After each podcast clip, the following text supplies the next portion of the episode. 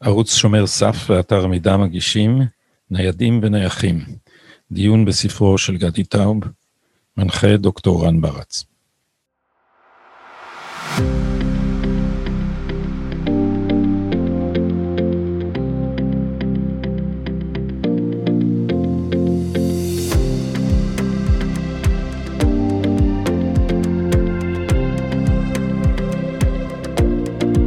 ברוכים הבאים אה, לכל הצופים והמשתתפים. אנחנו, אני וגדי נדבר קצת, ואחרי זה נפתח גם לשאלות, כדי שיהיה קצת אה, דיוני. אני רוצה לפני זה להציג, אני לא יודע כמה מכירים, אבל אה, אורי קליין, אתם יכולים לראות כאן, הוא העורך החדש של, של אתר מידע, וזו הייתה טעות קשה מאוד לקחת אותו, כי מאז שהוא התחיל, אני, הוא מעביד אותי מאוד קשה. יש לו הרבה מאוד מרץ, ואתר מידע, מי שעוקב, קיבל תנופה חדשה מאוד מאוד ברורה, ואחד מהדברים האלה שהוא יזם זה באמת לעשות ערבים כאלה. אז אורי, קודם כל, תודה רבה על היוזמה והביצוע, ועכשיו נעבור uh, לענייננו. הסיבה שבשלה התכנסנו היום היא הספר הזה, שאני אסתיר את הפנים שלי כדי שתוכלו לראות אותו. רואים אותו ככה מהבהב, אצלי לפחות. ניידים ונייחים, מאבקן של האליטות נגד הדמוקרטיה הישראלית, של אה, גדי טאוב, דוקטור גדי טאוב, שבזמן האחרון יצא לנו ככה גם אה, לדבר הרבה ולהתיידד. אני חושב שאני גם מקריח קצת בגללו, מאז שהתיידדנו.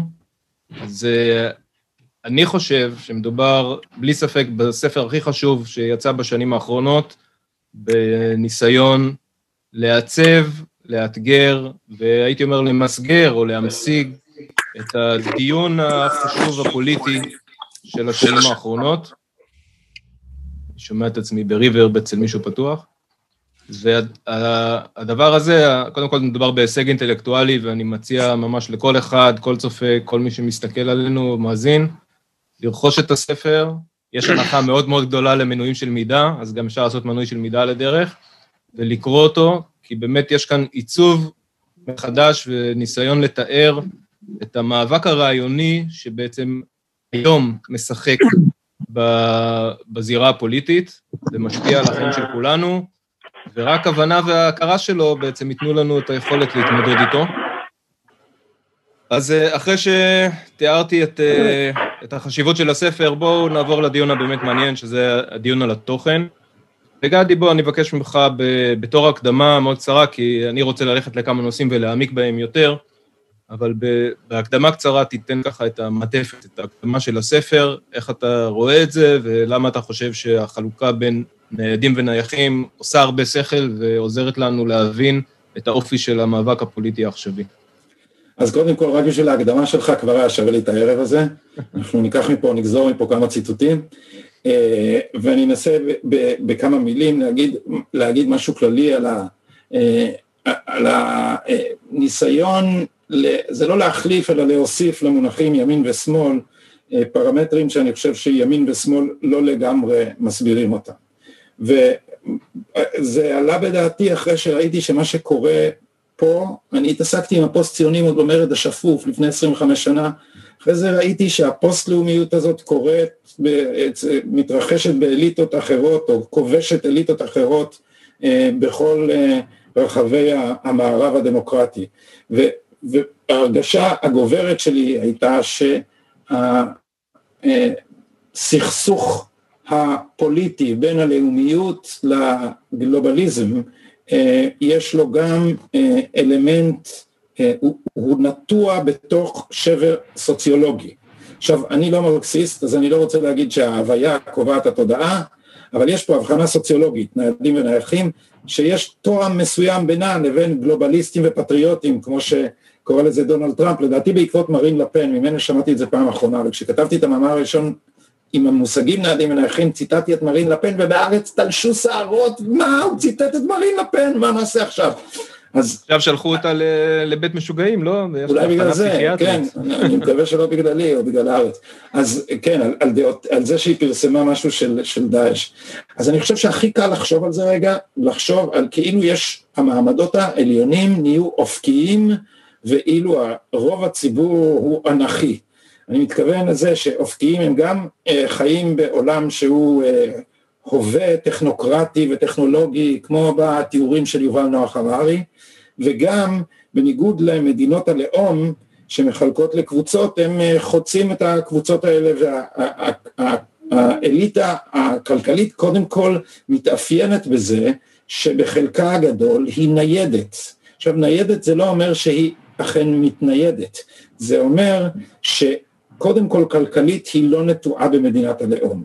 ולכן היא יכולה, זה אנשים שיכולים לקחת את המקצוע שלהם, זה יכול להיות אנשים שעושים, אה, לא יודע, אה, יש לי חבר שיש לו אתר אה, של סקירה של מוצרי צריכה, הוא יכול לנהל את עסקיו מהמחשב הנייד, מבית קפה, בכל מקום מסביב לגלובוס, לדבר שיחות ועידה דרך, ה, אפילו עוד לפני הזום בסקייפ עם הצוות שלו, וזה לא משנה איפה הוא נמצא, אבל זה נכון גם על רופא, זה נכון גם עליי, או היה נכון לפני שאנשים שהוגדרו כלא תקינים פוליטית אה, הפסיקו להיות, יכולים לקבל משרה בארצות הברית, אבל באופן עקרוני אני היסטוריון של ארצות הברית, אני יכול ללמד פה, אני יכול ללמד בארצות הברית, אני יכול ללמד באנגליה ואני יכול ללמד בכל מקום אחר אה, ש, ש, אה, שיש בו אוניברסיטה מהסוג המערבי.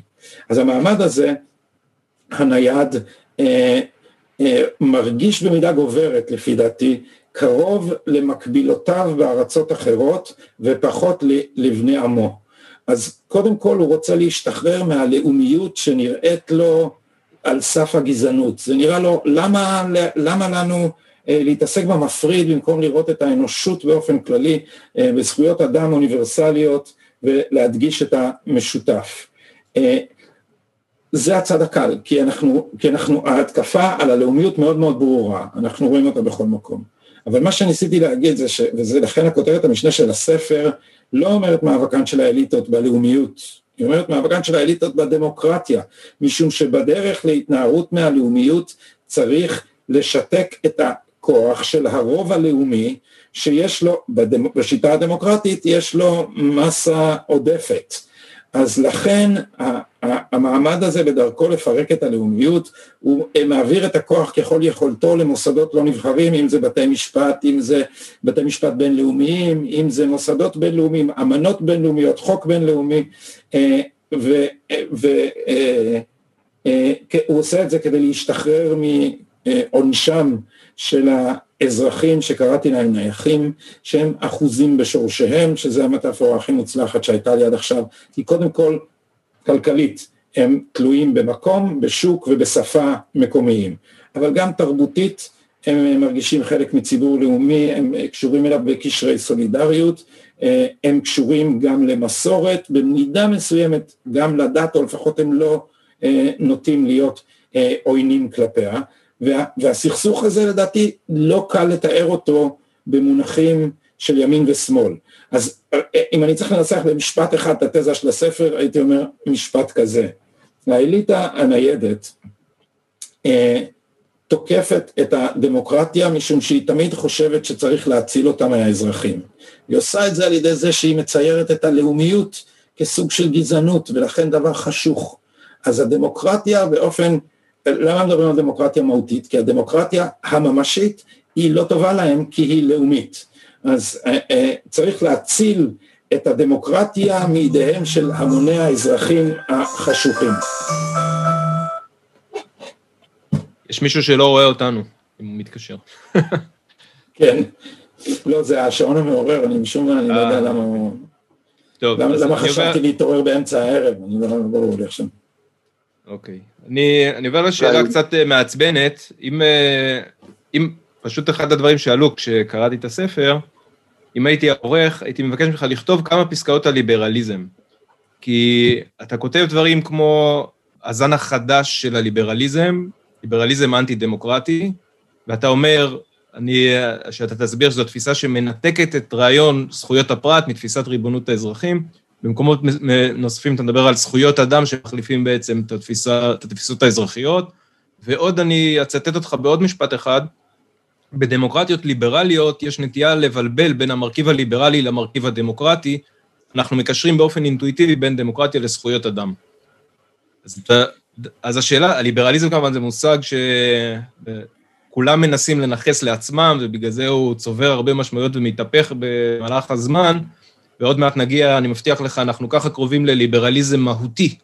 זה השלב הבא בפרופגנדה, אבל אז הייתי רוצה לקבל ממך ככה איזו סקירה קצרה של ליברליזם, איך הוא התחיל, מה המקור ולאן הוא התגלגל, כשבעצם היום פרוגרסיבים מרקסיסטים עם נטיות טוטליטריות בטוחים שהם גדולי הליברלים. כן, אה, כאן יש, אה, בעיניי הגלובליזם, הוא צריך להגיד עליו שהוא בין ימין לשמאל, כי בחלקו הוא ליברלי ובחלקו הוא אה, סוציאליסטי.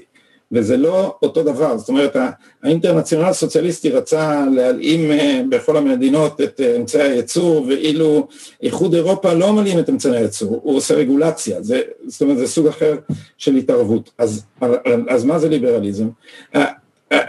אני מלמד אה, מחשבה פוליטית ואני חייב לומר, לא, לא בגאווה גדולה, כי בעיקר אחרי ששמעתי אותך רן אומר על זה שאנחנו כולנו עוצמים עין אחת, אז אני מלמד כאילו מהובס ללוק לרוסו, עושים את, את המסלול.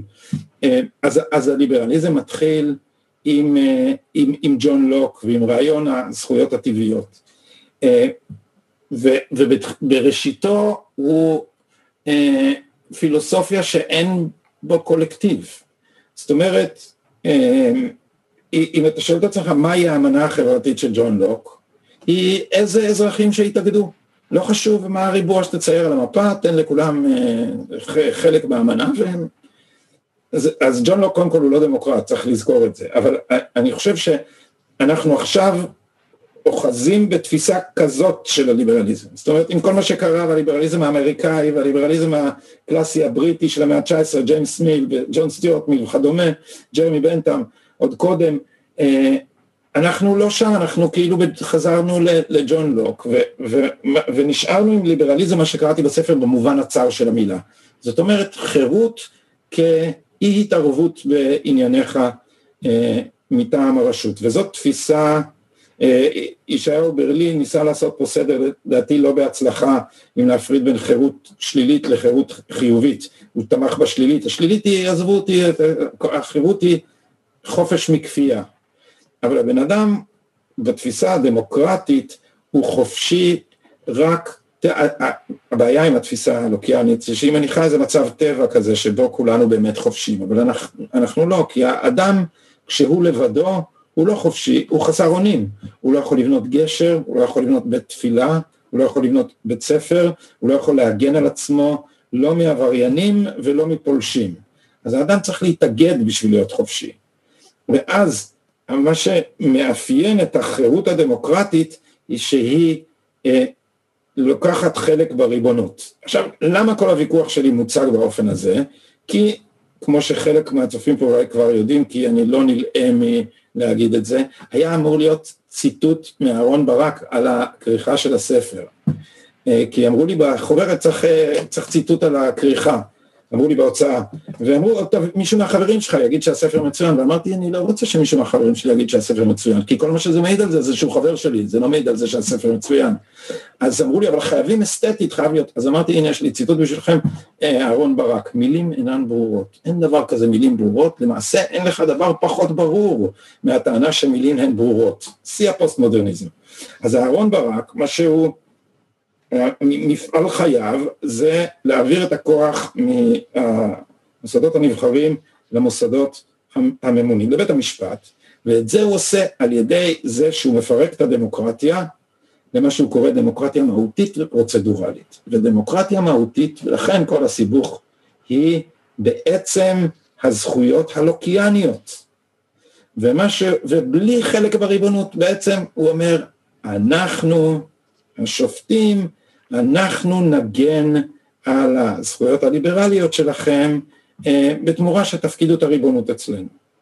אז לכן מצאתי לנכון לתקוף את דמוקרטיה מהותית ולהגיד זה לא דמוקרטיה, זה ליברליזם, וזה ליברליזם במובן הכי צר של אנחנו נגן, זה, ליברליזם הייתי אומר, סליחה רן, אני תובע פה עוד מונח שאני לא, לא יודע אם עוד הוא אחראי, ליברליזם פטרנליסטי.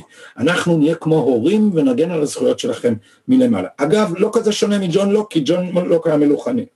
גדי, בספר אתה נותן גם דוגמאות של זה, שאתה מדבר על זה שיש כמה דרכים שבה בעצם הליברליזם האנטי-דמוקרטי הזה משתלט על הדמוקרטיה, אחת מהן זה באמצעות מערכת המשפט שהוא מתעדף אותה על מערכות אחרות. עכשיו, אני מניח שיש פה חלק מהצופים שלא לא קראו את הספר, טרם קראו את הספר, תוכל לתת איזה דוגמה או שתיים שאתה מביא בספר, לאיך הדבר הזה מתבצע ממש בצורה ברורה ובוטה במערכת המשפט, בהמשך למה שאמרת עכשיו על אהרן ברק? כן, קודם כל באיך שבית המשפט מפרק בצורה שיטתית את מדיניות ההגירה של מדינת ישראל. ושם הוא מפעיל מה שקראתי, איך, וזה לקח לי הרבה זמן להבין מה הולך. כשניסיתי לעשות אה, סדר מושגי, פתאום אמרתי, זכויות אדם הפכו פה למכשיר נגד זכויות האזרח. כי האוניברסליות של זכויות האדם, ואני מאמין בזכויות אדם אוניברסלית, מאמין, אני לא חושב שהן קיימות בטבע כמו שג'ון לוק, הן לא מהטבע, אבל אני בעדן, כמו שביהדות יש שבע מצוות בני נוח, ככה יש איזה זכויות בסיסיות שיש לכל בני האדם, אבל אלה זכויות אדם בסיסיות. מה שמנסים לעשות באמצעות השימוש במונחים האלה, זה להגיד, אבל למה לאורי קליין יש יותר זכויות מאשר לבחור שהגיע מדארפור? למה? כי הוא שחור? למה זה גזעני? למה ההבדל הזה? אז מה זאת אומרת? מתקשים להבדל בין אזרח ללא אזרח. מדינה שייכת לאזרחיה, לא כל אחד שעובר בה יכול לקבל את כל זכויותיה. אתה לא יכול לקבל, אתה לא תעבור פה לעשר דקות. יש לי חבר שירד מהארץ ועכשיו הוא מתעצ... לפני 25 שנה, הוא מתעצבן שהוא לא יכול לקבל חיסון קורונה. רוצה לבוא לפה לקבל חיסון קורונה. אומר לו, אתה 25 שנים אנחנו משלמים קופת חולים בהיעדרך פה, אז לא מגיע לך חיסון קורונה, כי זה לא זכות אדם, זה זכות אזרח, אה, חיסון קורונה. אז בית המשפט משתמש בפילוסופיה הזאת, ופעם אחר פעם אחר פעם הוא פשוט משמיד את היכולת של מדינת ישראל אה, להגן על שלושה סוגים של גבולות. הגבול הפיזי שלה, אנשים נכנסים לפה בלי רשות, אז הם נשארים. אה, הגבול של האזרחות שלה על ידי שחיקת מושג האזרחות במתן זכויות אה, שוות והגבול הקולקטיב הלאומי שלה בזה שפשוט אה, עושים פה חורים בחוק השבות. בצורה שיטתית בית המשפט פשוט אז זה בעיניי העדות הכי, הכי חזקה להתקפה של בית המשפט על האופי הלאומי של מדינת ישראל כי כל ה... תשמעו, אני לא רוצה פה להאדיר את רוגל אלפר שהוא בעיניי לא מגדולי ההוגים גם לא רוצה להאדיר את אה, זאב שטרנהל, אף שלא הם מדברים סרה במתים, אבל זאב שטרנהל זה רוגל אלפר עם footnotes, והאנשים האלה, שניהם אותו דבר, כל לאומיות זה פשיזם ביניהם. אתה קורא את הספר של שטרנל, ואין שם כל דבר, ועכשיו הוא מומחה, הוא מומחה לצרפת, זאת אומרת המהפכה הצרפתית שהוא אה, האור הגדול, היא בהצהרת זכויות האדם והאזרח כתוב שהריבונות שוכנת בלאום. אבל כל פעם שאתה אומר לאום הם אומרים פשיזם, כל פעם שאתה רוצה חוק שבות הם אומרים גזענות. אז, אז בעצם הם משתמשים בזכויות האדם כדי לעשות איזה לבלינג שבו לאזרחות לא תהיה יתרון והלאומיות תתבטל. שטרנל בעיניי דרך אגב הוא אנטי אינטלקטואל בגלל שיש לו יריבים ושותפים, אויבים ועמיתים, אין אצלו משהו, אף פעם שום דבר לא מורכב. אדם הוא או כולו רע, ואז אין בהגות שלו שום דבר שראוי להתייחס אליו, או שהוא נאור, ואז אין שום סיכוי שהוא אי פעם עשה משהו רע או חשב משהו רע ב... אני לא, לא מסוגל לקרוא, זה, זה ממש כל כך זה, uh, פלקטי. יש לי חבר שהחזיר את הספר הזה, הספר על האנטי-נאורות, פשוט הוא החזיר אותו, הוא החזיר אותו לסטימצקי. אבל אה, יש לי חבר אחר שכבר לא מדבר איתי, גם אינטלקטואל ירושלמי ותיק, הוריי הכירו אותו וככה, שהיה אומר, אני לא רוצה לצטט את המילה המדויקת, בואו נחליף את המילה של שטרנר במילה נבלות, אה, זה דומה ליונים ויין, אה, אז הוא אומר, איך אני יודע ששטרנר הגיע הביתה? הנבלות, הנבלות, הנבלות, אני שומע מלמטה, הוא נכנס, אז... אה, תשמע, אם קצת נעשה, בסך הכל הרי הוא היה תלמיד של יעקב טלמון, שהיה בדיוק הפוך, ראה דברים בצורה מאוד מורכבת. הוא, הוא החריב את המורשת שלו, זאת אומרת, המורה שטיפח אותו ו, וגידל אותו, הוא החריב את... היום, טלמון, שהיה באמת הוגה מאוד נחשב גם uh, בעולם, נתן, uh, כן, שיטה של הדמוקרטיה הטוטליטרית וכולי, מבחינת שטרנל זה אסור ופסול, הוא אמר דברים, הוא אמר שהנאורות יכולה להידרדר לטוטליטריות, זה פשע נגד האנושות, והוא עשה ככל יכולתו להחריב כל זכר להגות שלו. אבל טלמון... זה, אבל טלמון הוא אה, הוריש לנו את הצרה של, אה, של עריצות הרוב. כי, וזה ממש מצחיק בדיון, אתה יודע, אני לא עשיתי ניתוח פואטי, אבל אני, אני בא מספרות, אז יש לי תמיד מדגדג לי להגיד, תקשיבו לזה רגע בתור, עזבו, נגיד עשיתי את זה באחד הספר, יש לי ספר נשכח שנקרא נגד בדידות, ויש שם מאמר שאני מת עליו, שנקרא הרואין שיק לשוני, וזה על השפה של הפוסט מודרני, תעזבו את התוכן, תקשיבו להם רגע, הן למילים המנופחות האלה, למוזיקה של זה, זה, זה אנשים שרוצים שהכל יהיה אנטיספטי, זה אנשים שרוצים לחטא אותנו, אז, אז אם מקשיבים לפואטיקה של הדיון של האנשים האלה בדמוקרטיה, אז כל בתי ספר למשפט, הם מתחילים, מתחילים רטורית, הדיון בדמוקרטיה מתחיל במשפט אבל. אבל דמוקרטיה היא לא רק שלטון הרוב, ככה זה מתחיל, ואחרי זה כן. רק נושר כשן חלב, נכון? זה כאילו אחרי זה זה דמוקרטיה זה לא שלטון הרוב, ועד שאתה גומר לדבר הרוב מופיע רק בתור עריצות, אף פעם הוא לא, לא מעניין בשום capacity אחר. ב... ממחקריי בענייני הדמוקרטיה, שכמובן בדרך כלל זו ספרות מאוד משעממת ו- וטכנית, אתה יודע, היום בכלל, בשנים האחרונות, יש המון ספרות על משבר הדמוקרטיה. מה זה משבר הדמוקרטיה? זה אחרי טראמפ וברקזיט ועוד כמה מדינות במרכז ומזרח אירופה שהימין מנצח בהן, עכשיו הדמוקרטיה במשבר.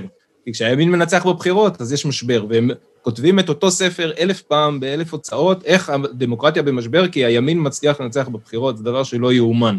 אבל הדיון האמיתי המעניין, ובגללו שאלתי על ליברליזם, אם תסתכל בסוף המאה ה-19, תחילת המאה ה-20, יש בעצם דיון של, בין שלושה זרמים של אה, דמוקרטים. יש את הדמוקרטים הליברליים, דרך אגב, מי שבוויכוח הקדים את כולם אה, היה דה טוקוויל, שב-1848, אחרי האביב העמים, כולל המהפכה בצרפת, הוא טען בפרלמנט, יש לו נאום מאוד מאוד יפה, למה דמוקרטיה סותרת סוציאליזם. אוקיי, אז זה מבחינתו דמוקרטיה זה דבר ליברלי בהגדרה, ולא יכול להיות ש, שסוציאליזם ייקרא דמוקרטיה, ויש את הדמוקרטיה הסוציאליסטית, שזה התמונת ראי, שזה כמובן הילדים של אה, מרקס, באנגליה, הפרלמנט האנגלי, כן, אה, אנשים אה, מאוד מכובדים, ויש באמצע אנשים שאני מבחינתי, להם אני קורא ליברלים, שהם אומרים, דמוקרטיה זה, בסך, זה משחק הוגן והוא לאומי ב, כמעט by definition. זאת אומרת, אנחנו, בני הלאום, בינינו, פותרים ככה, את, מקבלים החלטות ו, ופותרים את השאלות הערכיות שלנו דרך המנגנונים הדמוקרטיים. זאת, אתה לא יכול להגיד מראש מה תהיה התוצאה. אתה נותן לעם להחליט על ידי בכלים של שכנוע, וכן, והבחירות החופשיות והחופש להתאגד, אנשים יחליטו מה הערכים שהם רוצים אה, לממש בחוק. החבר'ה האלה נעלמו לחלוטין, כן? אף אחד לא מצטט אותם, אף אחד לא מכיר אותם, אבל הם לדעתי המייצגים הכי טובים של הדמוקרטיה.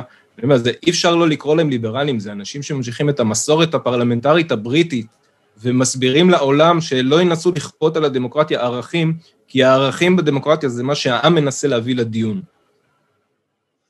כן, אה, אה, אני בתור אמריקניסט, אה, תוקביל, התובנה הכי שהכתה בי בתור סטודנט בקריאת תוקביל לראשונה הייתה זה שהוא הבין שהדמוקרטיה והאינדיבידואליזם יהיו בסיס לקונפורמיזם. ואחר כך אני הספר הכי חשוב שקראתי על אמריקה זה ספר של תלמידו, אחד מתלמידיו החשובים של טוקוויל, כמובן לא הכיר אותו, זה הוא במאה ה-20, אה, שזה לואיס הארץ, שכתב ספר uh, The Liberal Tradition in America, Speaking of Liberalism. ושם היה משפט כל כך uh, יפה שטרחתי ללמוד אותו בעל פה, אני מהסס לעשות את זה עכשיו כי זה נראה כאילו, אבל זה, זה פשוט משפט אדיר בעיניי על, על, הוא הבין את ליבת טוקוויל. אמר, אנגלי, אני אנסה באנגלית, England in the midst of its ramshackle crass-ridden atmosphere has developed a germ of liberty that America couldn't duplicate. כי, כי, ואז הוא אומר, and so while there were always Americans, were always Europeans who fled to America to discover the freedom of Thomas Paine, there were also always a few Americans, just a few, who fled to Europe to discover the freedom of Edmund Burke. וזה זה, זה בעיניי הבחנה ענקית, כי האמריקאים, בגלל שהם אינדיבידואליסטים, אינדיבידואליסטים ובגלל השוויון של הדמוקרטיה, ותוקביל אמר דבר נורא פשוט, הם יהיו עדר. כי באנגליה יש אצילים ודמויות מופת ויש paupers ויש מעמדות, אז יש גיוון, אבל באמריקה כולם שווים, אז איך, איך, מי המודל שלך לאיך להתנהג? אין לך להסתכל למעלה, אתה תסתכל הצידה ותעשה כמו השכנים. אז כולם יעשו כמו כולם, אז דווקא הליברליזם האמריקאי מייצר איזה קונפורמיזם שתמיד מסכן אותו, ואני הרגשתי את זה מאוד מאוד חזק, כי אני הייתי מעשן נלהב ואידיאולוגי, אה, אני רואה שמיכאל פה, נכון מיכאל? יש פה כמה מעשנים אידיאולוגיים, אז, אה, אז אה, אני הפסקתי לפני ארבע שנים מסיבות, כי פשוט הבנתי שזה הולך להיגמר רע.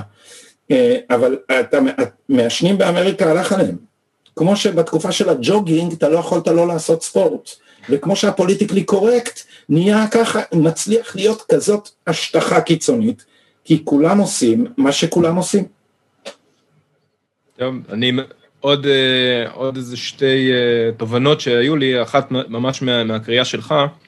אני חוזר לדיון שהזכרתי, דיון באמת מרתק, כי זה סוף תקופת האימפריות באירופה והעלייה של הדמוקרטיה, אז למשל לורד אקטון, שאנחנו כולם מכירים אותו מהכוח משחית וכוח מוחלט משחית באופן מוחלט, הוא טען בעד דמוקרטיות לא לאומיות, מתוך טענה שהדמוקרטיה יש, יש לה מנגנונים הרי של, של דיבור והסכמה על, על חשבון הפעלת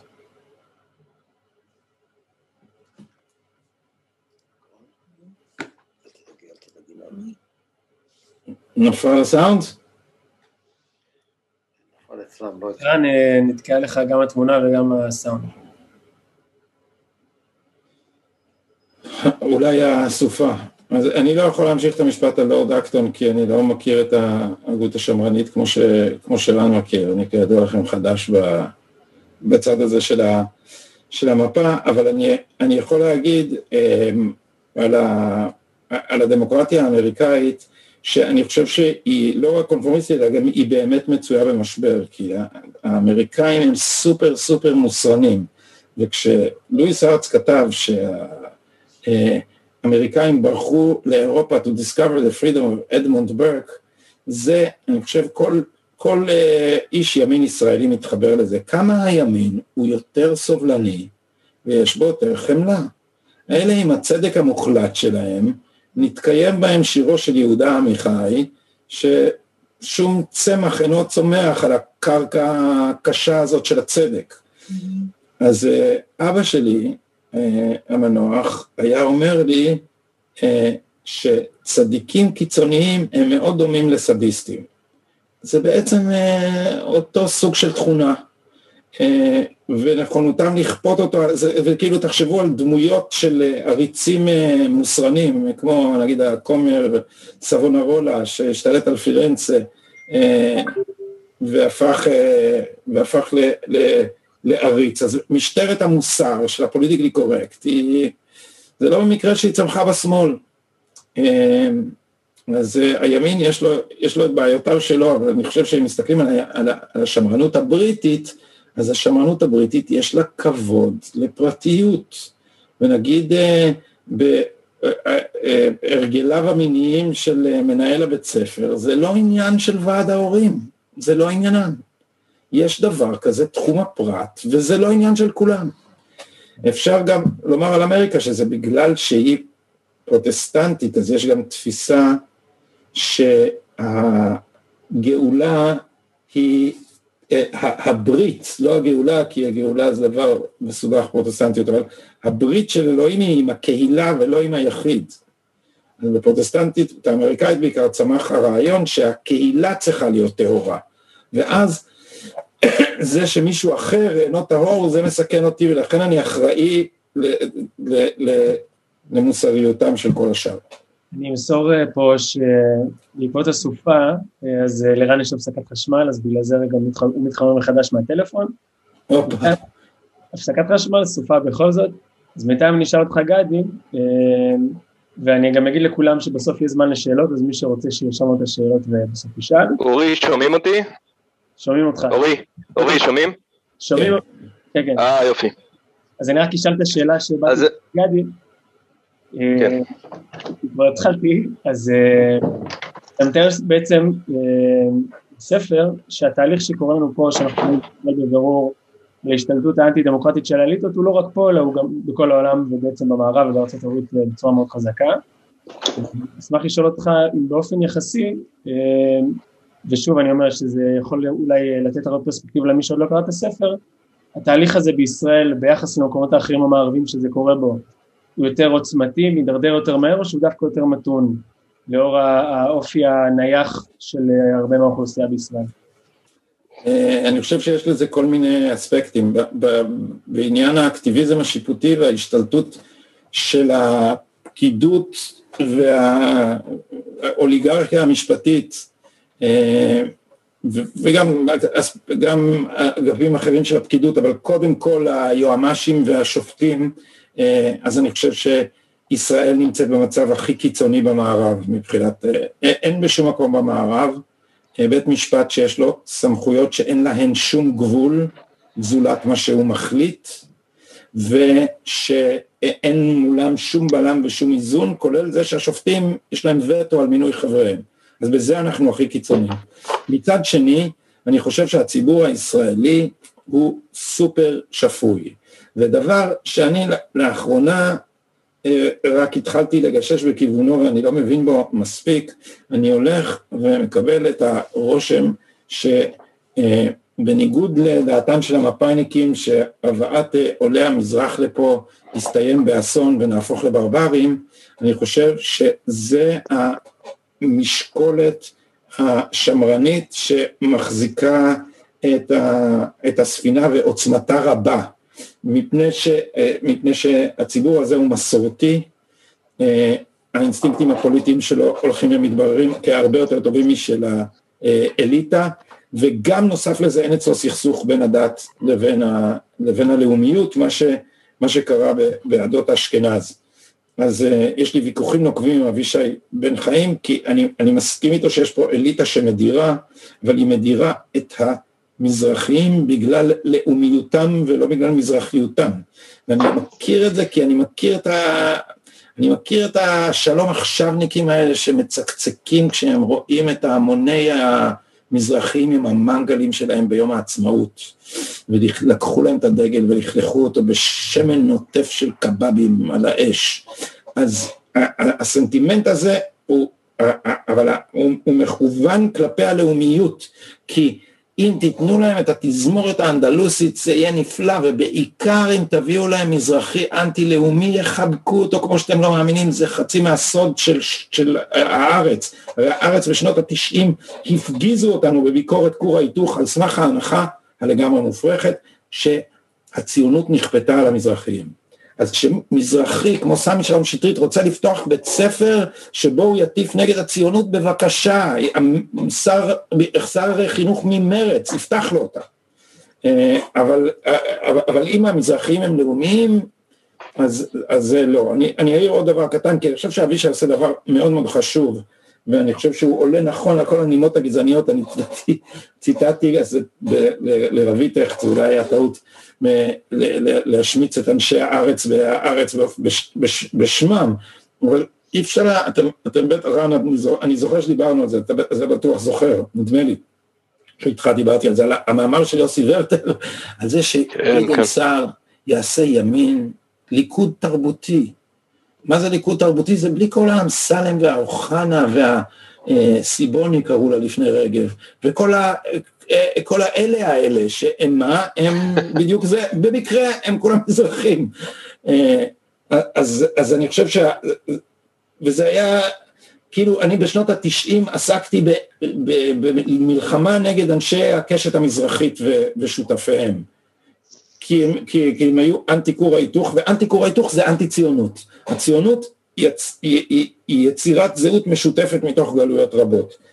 אבל רוב המזרחים רוצים ליצור אה, זהות משותפת מתוך גלויות רבות. אז אה, אה, מבחינה זאת, זה משקל הנגד החשוב לאליטה. אוקיי, חזרתי עם אה, הפסקת חשמל. שומעים אותי? כן. עכשיו אתה גם אדווה וגם רן.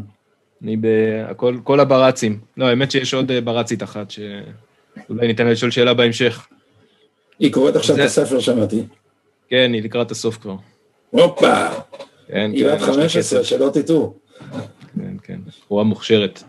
אני חוזר לאיפה שעצרתי, אני אומר, זה דיון מרתק, כי אה, לורד אקטון שאומר, דמוקרטיה עדיף שתהיה לא לאומית, כי זה יוסיף עוד מרכיב ממתן, כי עכשיו אנחנו נצטרך להתפשר גם על לאומים השונים בתוך מדינה, אז נניח אוסטרו-הונגריה, אל תפרקו אותה למרכיבים הלאומיים שלה, תהפכו אותה לדמוקרטיה עם כל ה... אני יודע, עשרה, 11 לאומים ששם, והם רק יהיו יותר סובלניים, הם יפתחו אקסטרה סובלנות. ואת התשובה לזה נותן ארנסט ברקר, והוא אומר, אם אתה תנסה לחבר קהילות לאומיות שונות, מה שיקרה זה שהדמוקרטיה הזאת תתפרק למרכיבים שלה. בגלל, למה? וזאת נקודה שמאוד חסרה לי בדיון, הסיבה שאנחנו צריכים את הלאומיות, היא לא רק שנרגיש בנוח ועניין זהותי וכולי, יש פה גם צורך פוליטי. כי אם אנחנו רוצים להגדיל את החופש של אנשים, אנחנו צריכים לקחת בחשבון שכשאני נותן עוד חופש, אני לוקח סיכון על עצמי. אם לשכן שלי יש את, את הזכות לשאת נשק, אז אני זה שהנשק לא יכול להיות מכוון כלפיו. ולכן נדרשת מידה מרובה של אמון בין החברים של אותה דמוקרטיה, כדי שיוכלו להגדיל את החופש האזרחי.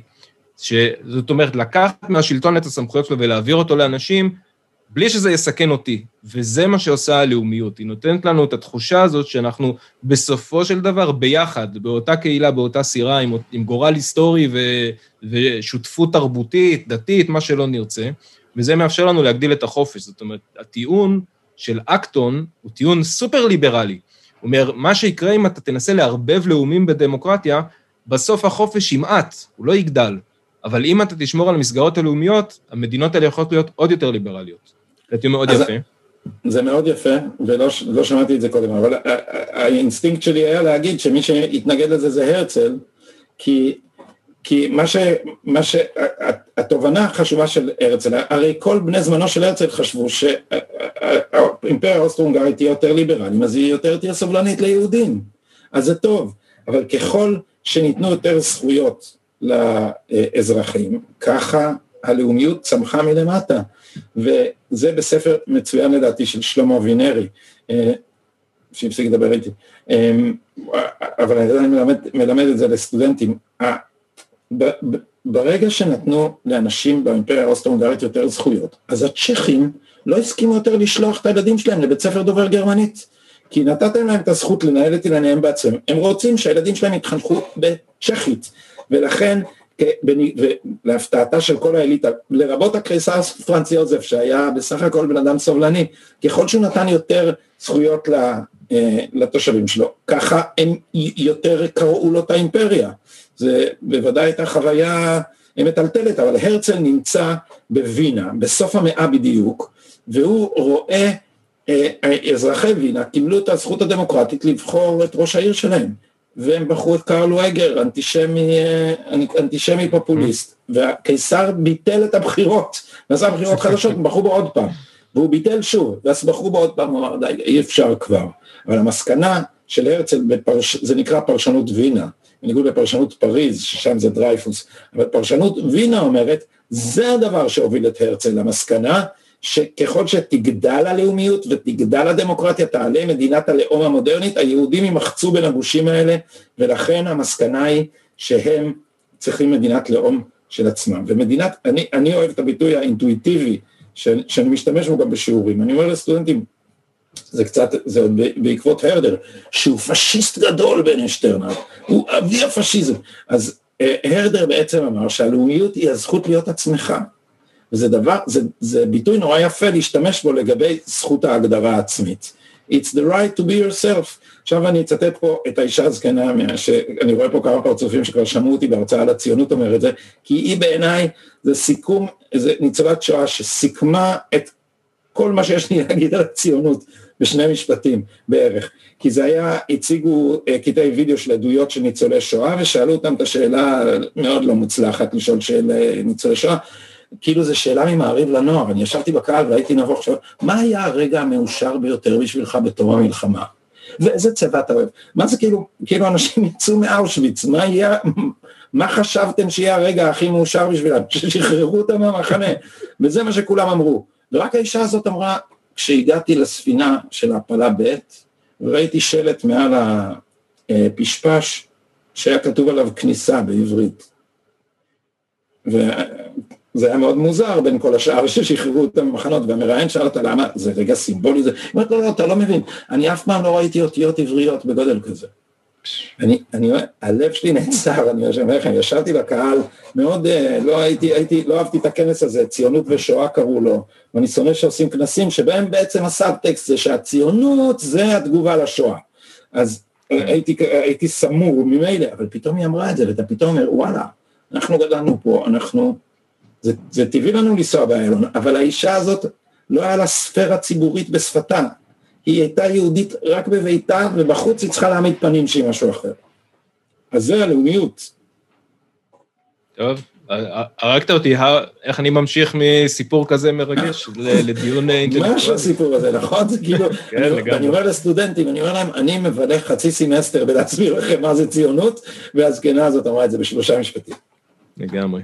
טוב, אני, אני עובר לתובנה, אני חושב שאנחנו צריכים אה, להרחיב עוד הרבה את העניין הזה של אמון, דמוקרטיה ולאומיות, ולמה הם קשורים כל כך, ובשביל זה אני הולך להחיות את כל החבר'ה האלה של תחילת המאה ה-20, האנגלים האלה שאני כל כך אוהב, אבל ב, באופן, אה, אתה יודע, דרך אגב, מי היחידים שדיברו על זה קצת?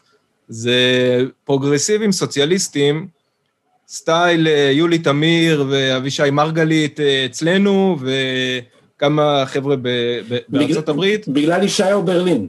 בגלל ישעיהו ברלין. לא, אבל הם אומרים, הם אומרים, אנחנו צריכים את הקהילה הלאומית בדמוקרטיה, בשביל להצליח לעשות מדיניות רווחה, כי אחרת יתמרמרו על זה שאנחנו גובים מיסים ומחלקים מחדש את ההון, רק המסגרת הלאומית תיתן לנו את הסוג של יחסי קרבה שיאפשרו לנו ליישם מדיניות סוציאליסטית. זאת הייתה הטענה שלהם. אני טוענת כמובן הרבה הרבה יותר עמוק מזה, ואם אתה תערבב לאומים שונים, אז המערכת לא תעבוד, כי המנגנון של הפשרה לא יעבוד, כי יהיה חוסר אמון עמוק.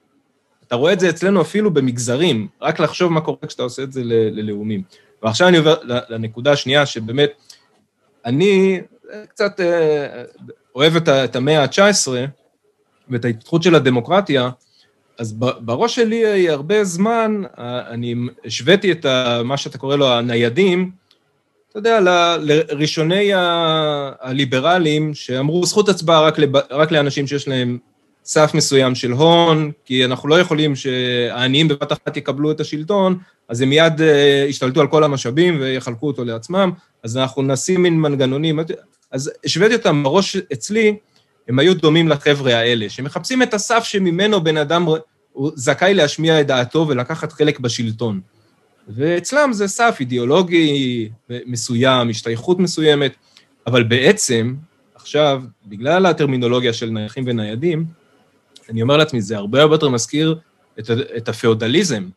יש לנו, חבר, יש לנו צמיתים, הם שייכים לקרקע, הם פה נכון. ואין להם לאן ללכת, ומעליהם מרחפת שכבה של אצולה אירופאית, שהיא הרבה יותר קשורה אחד לשני מאשר הווסלים, הם מכירים אחד את השני יותר טוב ממה שהם מכירים את הצמיתים. נכון. הם הרבה פעמים מדברים בשפה שהיא לא שפה מקומית, יותר טוב, כן, פרידריך הגדול דיבר צרפתית הרבה יותר טוב ממה שהוא דיבר גרמנית. הוא היה חלק מאצולה שריחפה ככה, היא ריחפה מעל אירופה. זו, זה הפאודליזם. ומתחת יש אנשים שהם שייכים לאדמה. אין להם לאן ללכת, אין להם את היכולת ללכת לשום מקום אחר, והם לא שותפים בשום קבלת החלטות. הם שייכים למעמד הזה של האצולה. ואז אמרתי, וואו, זה, יש פה משהו שבאמת, אה, הניידים האלה, הם הרי לא הולכים לשום מקום, כמו שאתה אומר בעצמך, זה לא שהם הולכים, אבל הם חלק מאליטה שהיא הגיאוגרפית, זאת אומרת, הם לא במקום, הם, הם אטופיים, לא אוטופיים, אין להם מקום. המקום שלהם זה ההשתייכות הזאת, המעמדית, זה אשכרה פאודליזם. זה, זה מדהים שאתה אומר את זה, כי רק השבוע חברי אבי בראלי, היסטוריון נהדר של, של תנועת העבודה, אמר, דיברנו על, ה, על הדבר הזה, ואמר, שמע, זה חוזרים לפאודליזם. זה כזה, וזה זה ממש נכון, זה דימוי, זה דימוי ממש טוב, אבל אני חושב שהניידים, צריך לחלק אותם לניידים ואולטרה ניידים בסוף, כי יש שכבה אחת שהיא באמת לא בשום מקום. יש כאילו, הם, הם כאילו, אתה יודע, אה, אה, אה, האולטרה עשירים, כל החזון הגלובלי שלהם הוא באמת לגמרי מנותק ממקום. ולכן השירים כמו ג'ורג' סורוס הם, הם זה מה הם רוצים, אה, הם מתארים את זה אה, ביובל נוח הררית, שיובל נוח הררי בעיניי זה האידיאולוג של הניידים בעולם היום, כי הוא הצליח למרוח את העסק הזה שאין פוליטיקה, אין פוליטיקה. העתיד יהיה ככה, זה כמו סרטי מדע בדיוני משנות ה-60, העתיד מה יהיה בו? כל הבעיות ייפתרו על ידי הטכנולוגיה. הכל יהיה, אנחנו נהיה בסטארט-טרק, והכל יהיה כאילו יהיה רפואה שנקטעת לך היד, היא מגדלת לך יד חדשה, ויהיו ערים עם ריאות ירוקות ומכוניות ללא נהג, תפסיקי, זה החתולה שלי, אה, והכל, כל הבעיות ייפתרו באמצעים מכניים, ואז תהיה רק אדמיניסטרציה, ובאמת האנשים האלה, תשמע, לפני שעברתי לימין רן, וגם לפני שהתחלתי להקשיב לדבריך האולטרה אופטימיים לגבי עתיד הבירוקרטיה, אז, אז אה, אז זה החזון הבלהות הזה של האדמיניסטרציה האנונימית, אה, יחד עם להבין מה קורה באיחוד אירופה, אה, אה, זה, זה, זה בדיוק זה, יהיה רק, רק מנהלים, וזה קורה גם בארצות הברית. מה שסטיב מומחים ומקצועיים, המומחים ינהלו אותנו. The administrative state, וזה, והאנשים האלה חושבים באופן, אני בבית ספר למדיניות ציבורית, אני ממש מכיר איך מלמדים אותם, אז כאילו, הם איכשהו, שאלות ערכיות, הם בכלל, לא צריך לפתור אותם ברמה הערכית, כי הן אה, יוצאות בתור מובן מאליו מאין סוף החלטות בירוקרטיות קטנות. אז בעצם לא צריך לשאול שום אה, שאלה גדולה, אנחנו רק אה, נפתור את ה... הבעיה הזאת ונחוקק פה את הנוהל הזה ונסדר פה, וככה עשו בארצות הברית את המפלצת הענקית של הרגולציה שהיא המשרד לאיכות הסביבה, שחצי מנהל את הכלכלה, ופשוט מנהלים את הכלכלה בלי חקיקה, יש מומחים והם עושים נהלים, והנה עכשיו המומחים האלה השמידו את, ה, את, ה, את ה pipeline על גבול כמה, אני לא זוכר איך קוראים לזה, אה, זה Key משהו, אה, הפרויקט של צינור הנפט הקנדי-אמריקאי, וכי מומחים לאיכות הסביבה, הם הגיעו למסקנה שסוג כזה של ציפורים לא ישרוד פה, כאילו אתם, אתם הולכים לחנוק את, את תעשיית ה... את תעשיית האנרגיה האמריקאית, ואתם יכולים להתייחס לזה כאילו זה בכלל לא הייתה הכרעה ערכית. פשוט זה היה, מומחים החליטו שזה מה שצריך כדי למנוע התחממות גלובלית כמובן. דרך אגב, לעניין הזה, זה דבר מעניין, ואני חושב שהוא מראה על ההשפעה הגדולה מאוד שאני מייחס לאקדמיה, על עיצוב עולם הניידים, הרי הבירוקרטים, נניח שלנו, הם הכי נייחים בעולם, אין, הם לא יכולים ללכת שום מקום, כל ההכשרה והניסיון והמקצועיות שלהם תלויה לגמרי בזה שהם אדמיניסטרטורים בישראל, בכל מקום אחר, הם לא מכירים את הכללים, הם לא מכירים את השטח, הם לא יודעים איך זה עובד, אף אחד לא ייקח אותם לעבודה אדמיניסטרטיבית בממשל אחר. אבל באידיאולוגיה שלהם, הם הכי ניידים בעולם. וזה כזה, פה הפער הכי גדול, כי זה האנשים הכי כלואים במקצוע שלהם, הם חלק מהאדמיניסטרציה הישראלית שאין כמוה בשום מקום אחר ואף אחד לא יצטרך אותם, אבל בתודעה שלהם, הם מביאים לפה את כל הערכים הגלובליים. זה העיקר העבודה. והם עוברים הכשרה בקרן וקסנר ולומדים איך להיות אדמיניסטרטורים בקנדי סקול בהרווארד, ואז הם חוזרים עם הידע המקצועי. ויש להם כל... תשמע, אני לא אתמול דיברתי על זה בהרצאה על ביטחון, מה שהם מקבלים בווקסנר, הקצינים, כי זה היה ביטחון, זה, זה לא לימודים שבאמת מעשירים אותם אינטלקטואלית, הם מקבלים את הקשרים עכשיו הם מדברים את השפה עם החברים שלהם בארצות הברית ובקנדה ובגרמניה ובאיטליה, שהיו איתם. זה העיצוב, שהוא הרבה יותר עיצוב מעמדי תודעתי, מאשר איזושהי הכשרה להיות בירוקרטים יותר טובים. זה, הרי הם לא עושים שם כמה קורסים במדע המדינה ודברים מהסוג הזה, זה לא שזה נותן להם, אבל הם מקבלים את הקשרים החברתיים, את השפה, את עולם המונחים של האליטה שהם חלק ממנה עכשיו. זה הסיפור. כן. טוב, זה זמן טוב לעבור לנושא האחרון לפני שנפתח לשאלות, וזה קשור למעמד המקצוע, המקצועי, וזה ההבחנה שאתה, ההתקפה שלך בספר, הייתי אומר, ותן על זה כמה מילים, על ההבחנה שהכניס לחיינו אהרון ברק ושות' בין דמוקרטיה מהותית ודמוקרטיה פורמלית, ואני רוצה לציין, הדבר הזה נכנס לישראל מהפסיקה, הוא נכנס באופן מגוחך, אני מרצה על זה, אני עקבתי אחרי הפסיקות שמתחילות לדבר על דמוקרטיה מהותית, זה פשוט, מבחינה אינטלקטואלית, זה פשוט בדיחה מה שקורה שם. זה מי, ש, מי שפסק את הפסיקות האלה, פשוט לא מבין כלום מכלום, וכל כך קל להראות את זה אפילו לסטודנטים אה, מתחילים, כי אין לו, אין לו שום הבנה בדמוקרטיה, הם זורקים שם, יש דמוקרטיה מהותית, דמוקרטיה פורמלית, כמו שיש אה, דמוקרטיה קומוניסטית, אני יודע, דברים, משהו כזה, פשוט הזוי לחלוטין. אז בוא, הייתי רוצה לשמוע ממך קצת על, על הסיפור. כן, אז נזכרתי בזה שדורית בייניש באיזה ראיון ברשת ב' אמרה, העם, העם, לעם יש את המפלגה שלו. זה כאילו, איזה, איך, על מה אתם מדברים? אה, אז אני חושב שמה שאהרון ברק, יש, אהרון ברק יש בו רק דבר אחד אה, עקבי, וזה צבירת כוח. אז מחליפים את התיאוריה, אין, זה לא, ש... אבל התיאור... אז יש תיאוריה פרשנית שהיא פוסט-מודרניזם, יש תיאוריה של הדמוקרטיה המהותית, שכוונתה הייתה להגיד, יש, שנח... נחלק, גם צריך להסתכל על זה פואטית. אנחנו, יש, אה, לדמוקרטיה יש מהות. קודם כל אהרון ברק, טקטית, כשהוא רוצה להרוס משהו, הוא קורא להיפוכו מהותו. שימו לב, זה, זה דבר שיטתי, או, או תכליתו. ואז כאילו, הוא, אה, אם אנחנו, אם אנחנו רוצים לקדם את האוליגרכיה המשפטית, אז אנחנו קוראים לה מהות הדמוקרטיה, ועכשיו אנחנו מקדמים את המהות הזאת, כלומר הורסים את הדמוקרטיה. אז כל העסק מבחינה פואטית מנוסח ככה שלדמוקרטיה יש מהות, שזה התוכן הערכי שלה, זה זכויות אדם. חוק יסוד כבוד האדם וחירותו, במובן, מה שקראתי ליברליזם במובן הצר של המילה. ויש לה גם פרוצדורה, שזה בחירות. ואיך שהם אומרים לנסח את זה, הדבר הבא שעומד לך על קצה הלשון זה, אוקיי, אז איך נגן על המהות מפני הפרוצדורה? איך נעשה שהפרוצדורה לא תהרוס את המהות? וכמובן שמיד כשמתרגמים את זה למונחים, איך נהרוס? שהציבור לא ירמוס את זכויות האדם, ואז מדברים רק על עריצות הרוב, אף פעם לא, והתרופה לעריצות הרוב זה שניתח לרוב את הזה ונעשה עריצות מיעוט. אין, למה המיעוט הוא יותר טוב מעריצות הרוב? כי המיעוט הזה הוא מיוחד, הוא מבין במהות של הדמוקרטיה. ושוב, אנחנו חוזרים לזה, שהוא מומחה למהות, זה בעצם סעיף של הרעיון שאדמיניסטרטורים הם מומחים לנושאים ספציפיים וזה לא פוליטי. זה לא פוליטי, הם מומחים לזכויות אדם. אגב, בית המשפט הישראלי הוא חתום על הפרות זכויות אדם סיטונאיות. אני לא מדבר על זה שהשמאלנים יגידו לכם שהוא מאשר את הכיבוש. אני מדבר על זה שבתוך, הוא גם מאשר את הכיבוש דרך אגב, אבל ב, ב, בתוך ישראל, מדיניות המעצרים המופרעת של משטרת ישראל, יש כמעט כל השופטים החשובים הם באים מהפרקליטות, והם חותמת הגומי של זה שמחזיקים פה אנשים במעצר, ללא כתבי אישום, ללא זה, אני ראיינתי בפודקאסט של בצלאל סמוטריץ', שסיפר, הוא היה בצינוק שלושה שבועות ולא הגישו נגדו כתב אישום, בצינוק, הוא היה במדינה דמוקרטית, אז את זה הם מאשרים בלי סוף, הנה אתם, היא כל הזמן נדחפת לפריים, אז...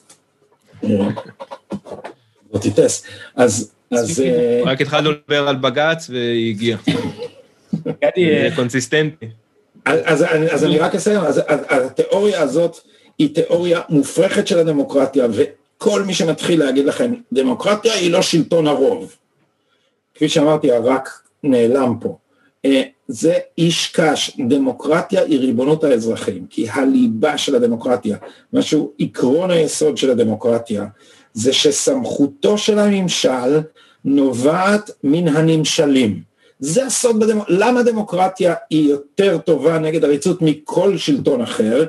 כי הנמשל מעניק את הסמכות למשול בו למושל ויכול לקחת אותה באופן עקרוני. עכשיו, זה כמובן לא עובד פרפקט, כי אני לא יכול להחליט, טוב, אני לא נתתי, אני לא הסכמתי שנתניהו יהיה ראש הממשלה, אז הוא לא ראש הממשלה שלי, זה לא עובד ככה, יש איזו פרוצדורה שדרוש לה הרוב בשביל לתפקד, אבל הרוב זה האמצעי של הדמוקרטיה, זה לא המטרה של הדמוקרטיה.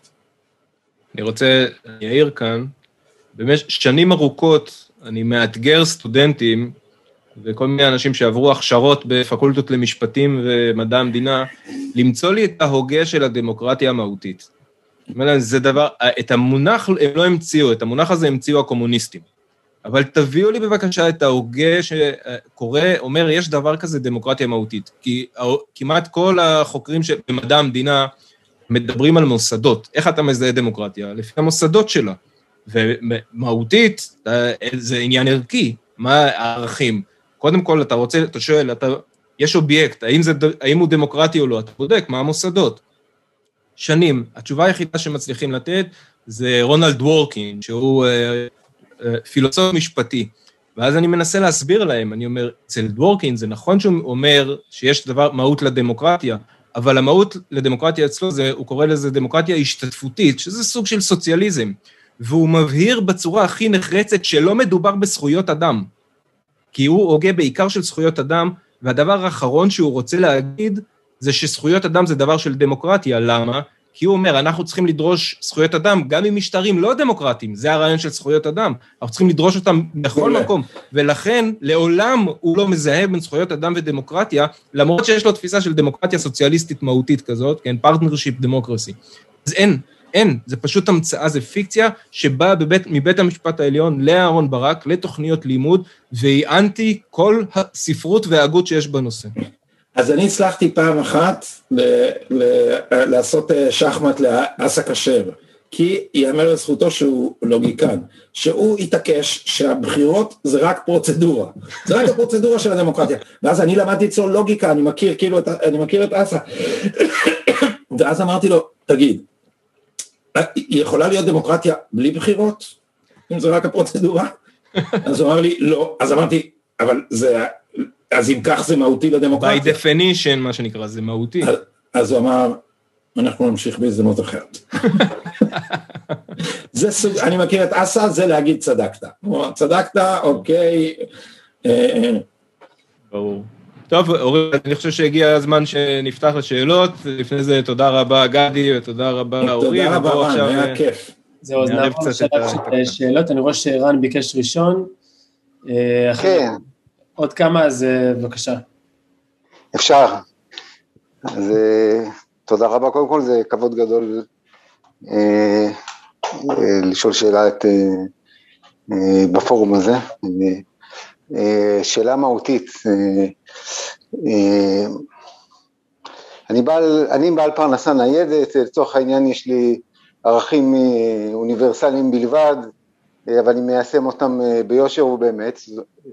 זאת אומרת שאם אני בעד שלום, אני בעד הסכמים של נתניהו ונגד הסכמי אוסלו שהעבירו רק לשפיכות דמים ומלחמות, אני בעד זכויות לפלסטינים, בגלל זה אני נגד שלטון הרשות הפלסטינית וחמאס, שבאופן יחסי לישראל הם הרבה פחות טובים לזכויות האדם של הפלסטינים מאשר, וגם אגב פלסטינים אמרו לי את זה, ואותו דבר אני נגד גזענות, בגלל זה אני נגד גירוש גוש קטיף שאופיין על ידי סלקציה גזעית, ואותו דבר לגבי משפטי סטלין שעושים לנתניהו, שנוגדים כל ערך אוניברסלי של צדק ומשפט. השאלה שלי, אם יכול להיות שאנחנו, ואולי, סליחה, ואולי אפילו גם קצת הספר, לא שמים לב שאנחנו נופלים למסרים שיווקיים של קבוצה שהיא מאוד חזקה בשיווק, אבל היא בעצם סוג של גזע ארי, שאנחנו גם קוראים להם בטעות אליטה, זו מילה עם קונוטציה חיובית, שלא יודע למה אנחנו צריכים למצוא מילה עם קונוטציה חיובית כדי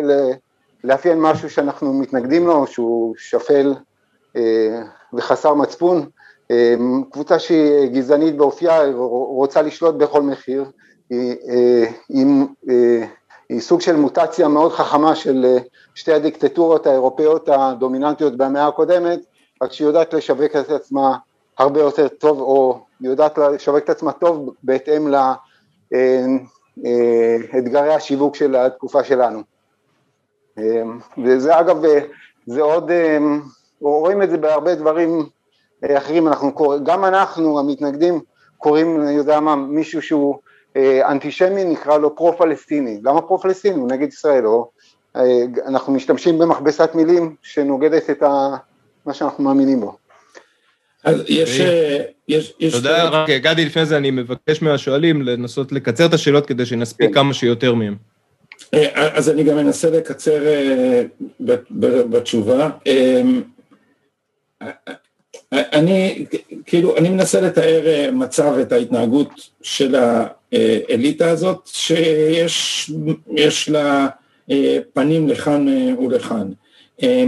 גם לי יש, כפי שאמרתי, אני מבדיל בין זכויות אזרח לזכויות אדם, ואני מאמין בזכויות אדם, זאת אומרת, בין השאר לא הייתי רוצה לשלוט בפלסטינים. אני מסכים איתך, אני, ואנחנו נמשיך את זה כי פשוט אני לא רואה שיש דרך אחרת לקיים את, את ביטחוננו. אני מסכים איתך שבהשקפתה של האליטה יש סתירות וחלק מהעניין הוא לחשוף אותם, ולכן אחד המאמרים הראשונים שכתבתי בארץ ועורר עליי זעם אינסופי, היה שמי ש... מי שמסתכל על הסכסוך רק דרך זכויות אדם, אוניברסליות, כלומר זכויות אדם במובן הליברלי הצר, הקונקרטי, צריך לתמוך בכיבוש. כי מאיפה שאנחנו יוצאים זה נהיה יותר גרוע.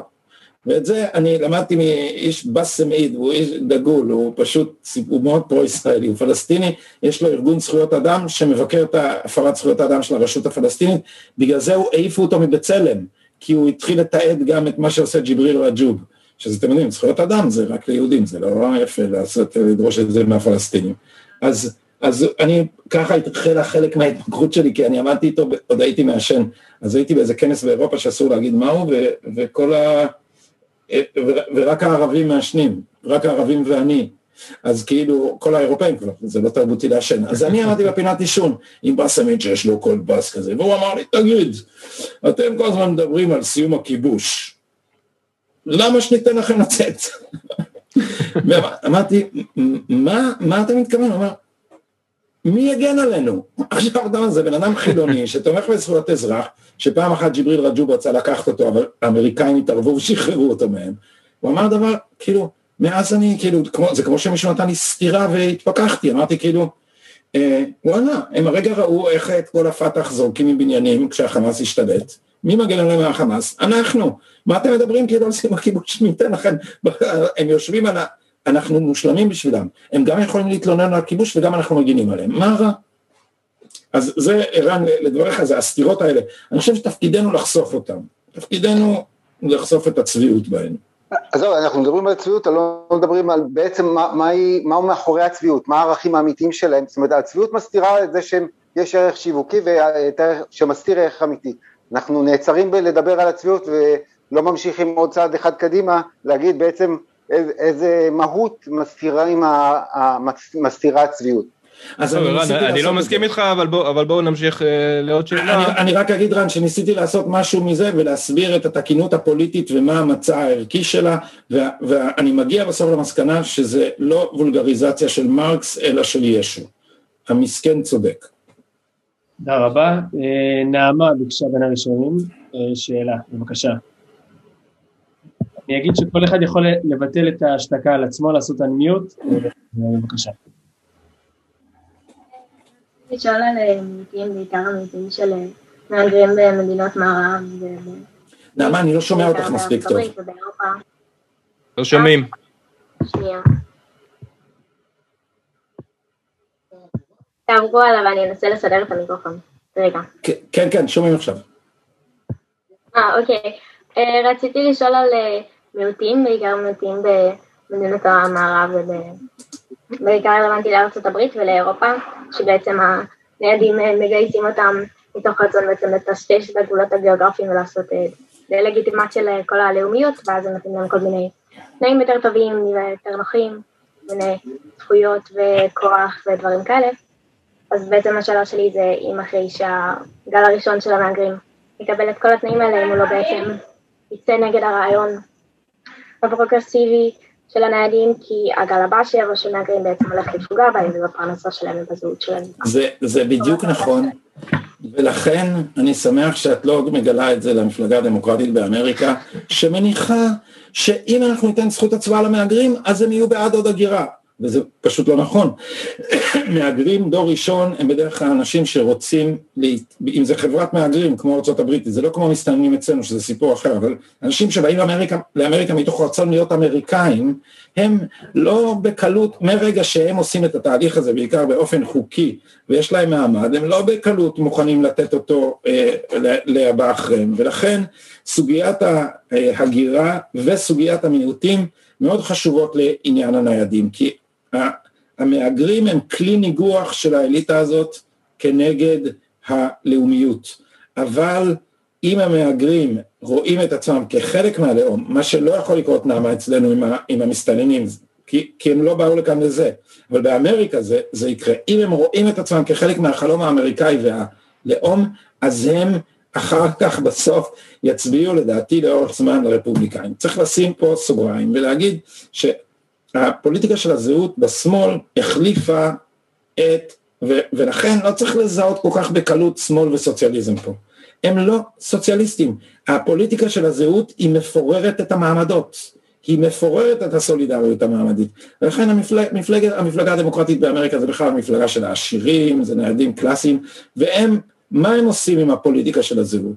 במקום לעזור לקבוצת ה... לא יודע מה, היספנים, נשים שני היספנים בקבינט, ושכל שאר ההיספנים ילכו קיבינימט, כי זה לא מעניין אותם, זה לא מעניין אותם. הם מתעניינים בפוליטיקה הסימבולית של האכפתיות הטקסית כלפי מיעוטים, שבעצם ממשיכה לדפוק אותם. תסתכלו מה אה, מצבם של השחורים במדינות אמריקאיות דמוקרטיות, יותר רע. ולכן בסוף, מה שקרה, שלמרות כל הצווחות שטראמפ הוא גזעני, בין 2016 ל-2020, בין, בין 2016 ל-2020, מספר המיעוטים שמצביעים לטראמפ עלה. הדמוגרפיה היחידה שירדה זה גברים לבנים משכילים. אמ, אז כי למה? כי הם הבינו שהוא משרת את האינטרס שלהם, האינטרס הכלכלי קודם כל, תעסוקה. נכון, גם סגירת הגבולות עובדת לטובתם. דרך אגב, אני רק רוצה להבהיר שאין לי שום קשר למי ששאלה את השאלה, חוץ מזה שהיא הבת שלי. נעמה, אני בגיל שלך לא הייתי מעלה על דעתי לקרוא ספר כזה, אני ממש נפעם. אני לא רוצה, אני, אני מקווה שאני אקרא את ספרייך בהמשך ושאני אבין. אני אחמיא לך ואגיד שאני מאוד נהנית ממנו. איזה כיף. את והבן של חנן עמיהור, שלקח לו את הספר, אה, והבת שלי את לינור, אבל היא בת 22. כל אה, מקום, בכלל, כל, כל בית אב שבו נאבקים על העותק של הספר שלי, א', זה משמח אותי, ב', יש לי פתרון, אפשר לקנות עוד אחד. לא חייבים אחד לכל דירה. יש לנו עוד כמה שאלות אנשים, אז בואו נתקדם. שאלה הבאה, מישהו רוצה לשאול? כן, כן, אני. היו כמה לפני נעמה. איציק, צריך לפי גיל, איציק. קדימה. אוקיי, אה, השאלה היא רן וגדי, לא אכפת לי מי שרוצה שייקח ויענה על זה. אה, השאלה שלי בעצם, האם לא הגענו לשלב שאנחנו בעצם נמצאים בדדלוק עם המערכת המשפטית? זאת אומרת, המערכת המשפטית לקחה לעצמה כל כך הרבה אה, אה, סמכויות, לא בחוק, שכבר אי אפשר לעשות נגד זה כלום. זאת אומרת, אם בבחירות האחרונות הם מינו לנו אה, יושב ראש כנסת, בלי שיש להם זכות כזאת, דנים בחוקי יסוד, בלי שום סמכות, הם פשוט נתנו לעצמם את הסמכויות, ועכשיו אני בראש שלי אומר, אוקיי, יגיע סמוטריץ' ושמחה רוטמן ואחרים ויגידו, אוקיי, בואו נשנה את הוועדה לבחירת שופטים, יבוא בג"ץ, יגיד לא, או יבוא היועץ המשפטי לממשלה ויגיד, יש מניעה משפטית, בלי צורך לנמק אפילו, כי זה נהיה שם סוג של אה, אה, גושפנקה, להגיד יש מניעה משפטית, לא צריך לנמק, זה כמו שאני אכתוב במבחן, עניתי על השאלה, את הפרטים אני אתן אחר כך בעל פה או משהו. השאלה אם אנחנו לא, דרך אגב זה גם קרה בארצות הברית שהדמוקרטים פשוט עברו בכמה מדינות ושינו את החוקים של הבחירות בלי לשאול אף אחד. לא לערב את הסנאט המקומי ולא זה, אמרו פשוט, אוקיי, לא צריך חתימה, לא צריך להזדהות, אפשר בדואר, אפשר לקבל הצבעה גם אחרי שלושה ימים. השאלה, האם לא עבר, לא הגענו למין מצב שלמעשה אנחנו כפופים למערכת משפטית ואיבדנו שליטה על זה. רן, אתה פה, אני, אני, גם לא מידת אה, אופטימיות, כן. טוב, תראה, השאלה הזאת חוזרת הרבה פעמים בהרצאות שאני נותן בכל מיני נושאים, ואני מראה את ההידרדרות אה, של מערכות, ואז איך אפשר לפתור. ואני אתן את התשובה שאני תמיד נותן, קודם כל צריך לזהות את הבעיה בצורה מדויקת, כדי להיות מסוגלים להתמודד איתה, ועכשיו יש הרבה עבודה קשה, והיא מתחילה בזה שהציבור ידרוש אותה, כי אף פוליטיקאי בעולם לא יעשה משהו שהציבור לא דורש ממנו, ברמה כזאת שאם לא תעשה, לא נבחר בך. זה התמריץ הפוליטי העליון. כמו שז'בוטינסקי בזמנו אמר על דעת הקהל באנגליה, הוא אמר, אם דעת הקהל תהיה נגדנו, גם אם הרצל יהיה ראש ממשלת אנגליה, זה לא יעזור לנו. כי בסוף פוליטיקאים תלויים בדעת הקהל, ולכן הצעד הראשון הוא, אפשר לקרוא לו הסברה או, או לימוד מסיבי של הציבור, להבהיר כמה זה אקוטי, להסביר למה הדברים האלה הם בנפשנו והם אסטרטגיים וקיומיים באמת, כי המדינה הזאת לא תחזיק מעמד אם היא תנוהל על ידי ניידים, היא תתנייד ב- באוויר, והצעד ש, שבא אחרי זה הוא כבר יתחיל לקרות לבד, הפוליטיקאים יתחילו להילחם. בישראל קורה דבר מאוד מוזר, פוליטיקאים בנויים על זה שיש להם כוח, הם צריכים כוח שלטוני. הפוליטיקאים בישראל, לא, לא אכפת להם שלקחו מהם את הכוח, זה דבר מדהים. פטרו אותם, הם, הם עכשיו אה, נושאים באחריות בלי סמכות. אני לא מכיר הרבה אנשים שמוכנים. אני, השאלה, השאל, לשאלתך, זה מתחיל בזה שדעת הקהל תתחיל להיסחף חזק לטובת החזרת הדמוקרטיה על כנה. וכשזה יקרה, וזה קורה לאט-לאט, זה לא שאנחנו במצב אה, אבוד. המצב הזה קורה, אנחנו יותר ויותר מודעים לזה, הדור הצעיר בטח יותר מודע לזה מהדור הקודם. הדרישה הזאת מופיעה, חברי הכנסת הצעירים בימין הרבה הרבה יותר מיינדד לזה, והם רוצים שהטיקט הפוליטי שלהם יגיד, אני נלחם על החזרת הריבונות, וזה צעד בכיוון הנכון. אז לא צריך להיות פסימיים, לא צריך להיות אופטימיים, צריך לראות שהמגמה הזאת מתחזקת. צריך לראות שבבחירות, אני לא יודע, אני מקווה 2025, כבר לא יהיו חמישה חברי כנסת כאלה, אלא עשרים. וזה בעצמו כבר מייצר את המומנטום שאנחנו רוצים. תודה רבה. שאלה הבאה, כן. אה, אה, אני יכול לשאול... אה, אוקיי, זה בעיקר לגדי. השאלה היא כדלקמן, האם אתה... אני לא רואה את עצמי. אוקיי, גדי, האם אתה לא רואה את ההיווצרות של המעמד הניידים הבינלאומי כבעצם הגשמת חלומו של מרקס, אבל על ידי הבורגנות במקום על ידי הפרולטריון? זאת אומרת, הבורגנות הבינלאומית מתארגנת ביחד כדי להתקומם נגד הפרולטריון שרוצה זכויות, שרוצה זכויות ורוצה יכולת שליטה בגורלו. הבורגנות הבינלאומית שמחזיקה את ההון, קרי את הידע, היום ההון זה ידע, יותר מכל דבר אחר, שמחזיקה את הידע שמוביל להון ואת אמצעי הייצור, שזה עוד פעם ידע, הבורגנות הזאת התאחדה בכל העולם כדי לוודא שהפרולטריון בשום מקום לא מצליח לא להרים ראש. זה בדיוק התורה של מרקס, רק שהתהפכו המעמדות, וזה עובד פנטסטי. זה, על זה לדעתי אי אפשר להטיל ספק בזה שזה עובד. תודה. אה, אז אה, לא רק שאני מסכים, אפילו יש משפט בספר, אה, אם אני, אם אני אם לא הוצאתי אותו באחת הטיוטות, נדמה לי שהוא שרד, שאומר ניידי כל הארצות התאחדו. זה, זה בעצם, זה בעצם מה, ש, מה שהם עושים, אבל הפרויקט הוא לא שמאלי, ולכן, ואני אגיד פה מילה ממש בקיצור, כי זמננו אוזל, הרגע שבו המוסדות, אה, הרעיונות, פרנסיס פוקויאמה, יובל נוח הררי, גלובליזם, העולם הפתוח, הכפר הגלובלי, כל הדברים האלה, הם נולדו ברגע של אחרי נפילת הקומוניזם, והם היו תוצאה של המעבר של השמאל לכיוון הימין אחרי ההצלחה של רייגן ותאצ'ר. זאת אומרת, היה נדמה לאנשים שהם מצאו את דרך הזהב בין קפיטליזם לסוציאליזם, טוני בלר בביטוי הבלתי נשכח, The third way, הדרך השלישית, והם, והם באמת מדמיינים עולם ליברלי. עכשיו העולם הליברלי הזה היה, לפי דעתי מה שהם מדמיינים זה עולם שבו אין פוליטיקה אלא יש חוק ויש בתי משפט שמגינים על זכויות פרטיות. זאת אומרת הם לא מדמיינים את הדיקטטורה של הפרולטריון ולא את הלאמת, אה, הלאמת אה, אמצעי הייצור.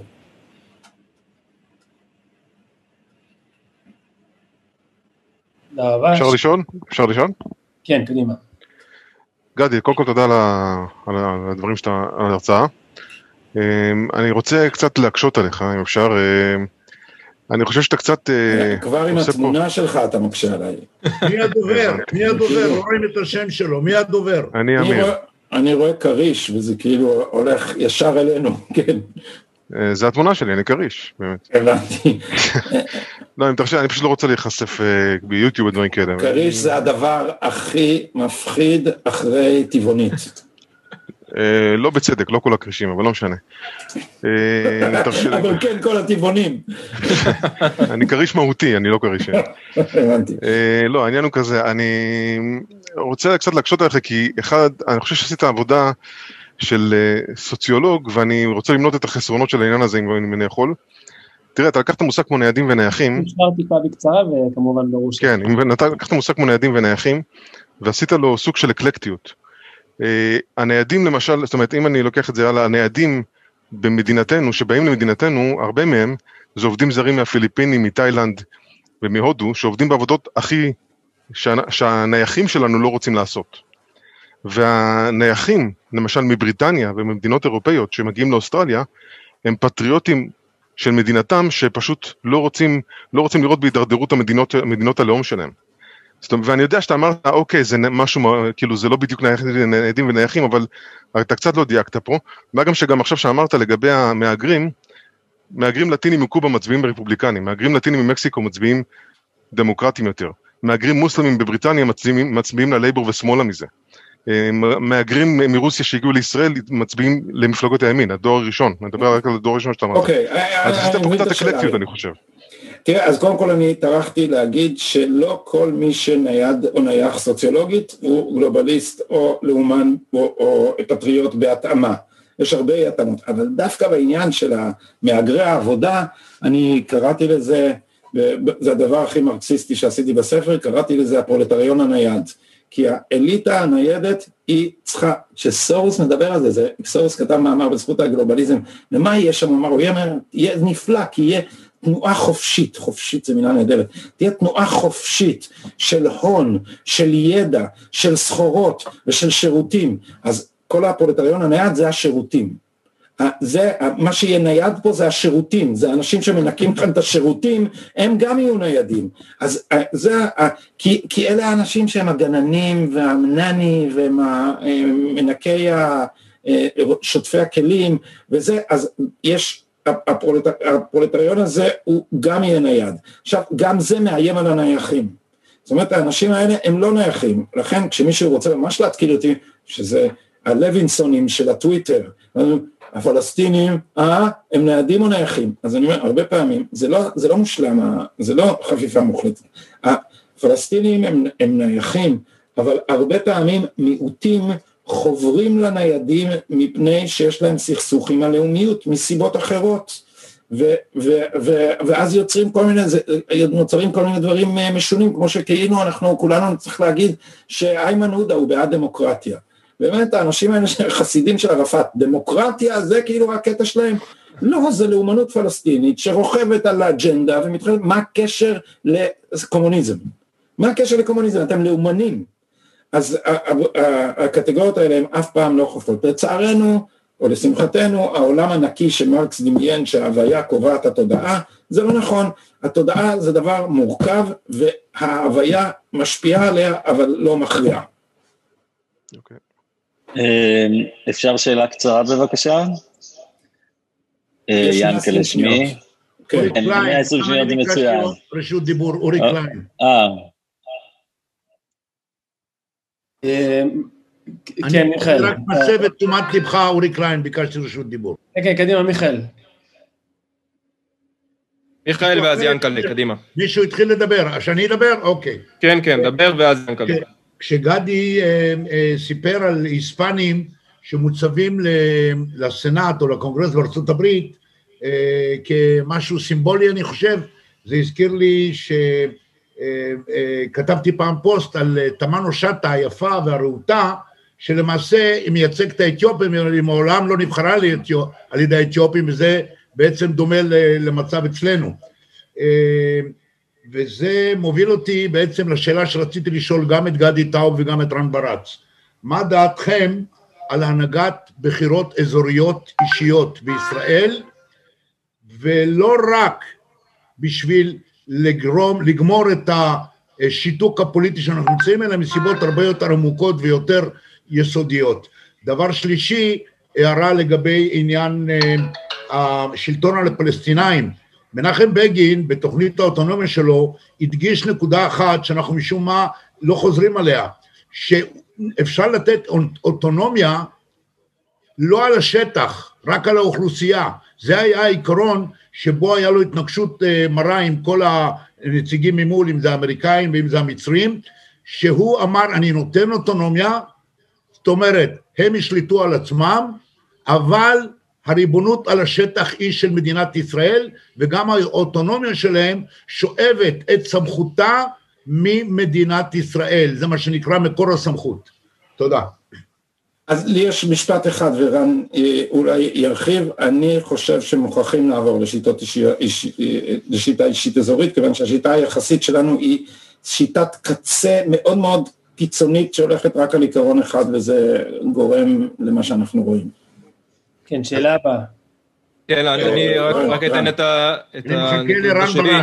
כן. אין ספק, אין ספק שהשיטה הפרלמנטרית הישראלית הגיעה לנקודת הקצה שלה, בין השאר בגלל הדדלוק הזה, שהמערכת המשפטית והבירוקרטית מנצלת יפה מאוד, שאנחנו במצב שקשה להכריע, שאפילו ממשלה של 61 לא יכולה להחזיק מעמד.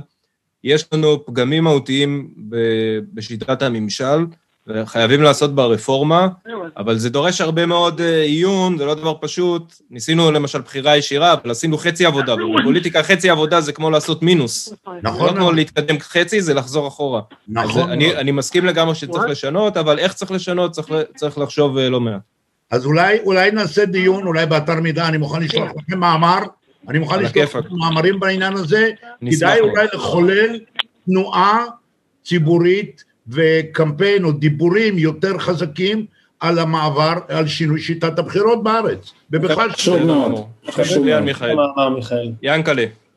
אמ, אני דבר ראשון רוצה לומר אה, תודה רבה על אה, ערב של אה, דיון מרתק, תודה לאתר מידע, תודה לגדי, לרן וכמובן לאורי.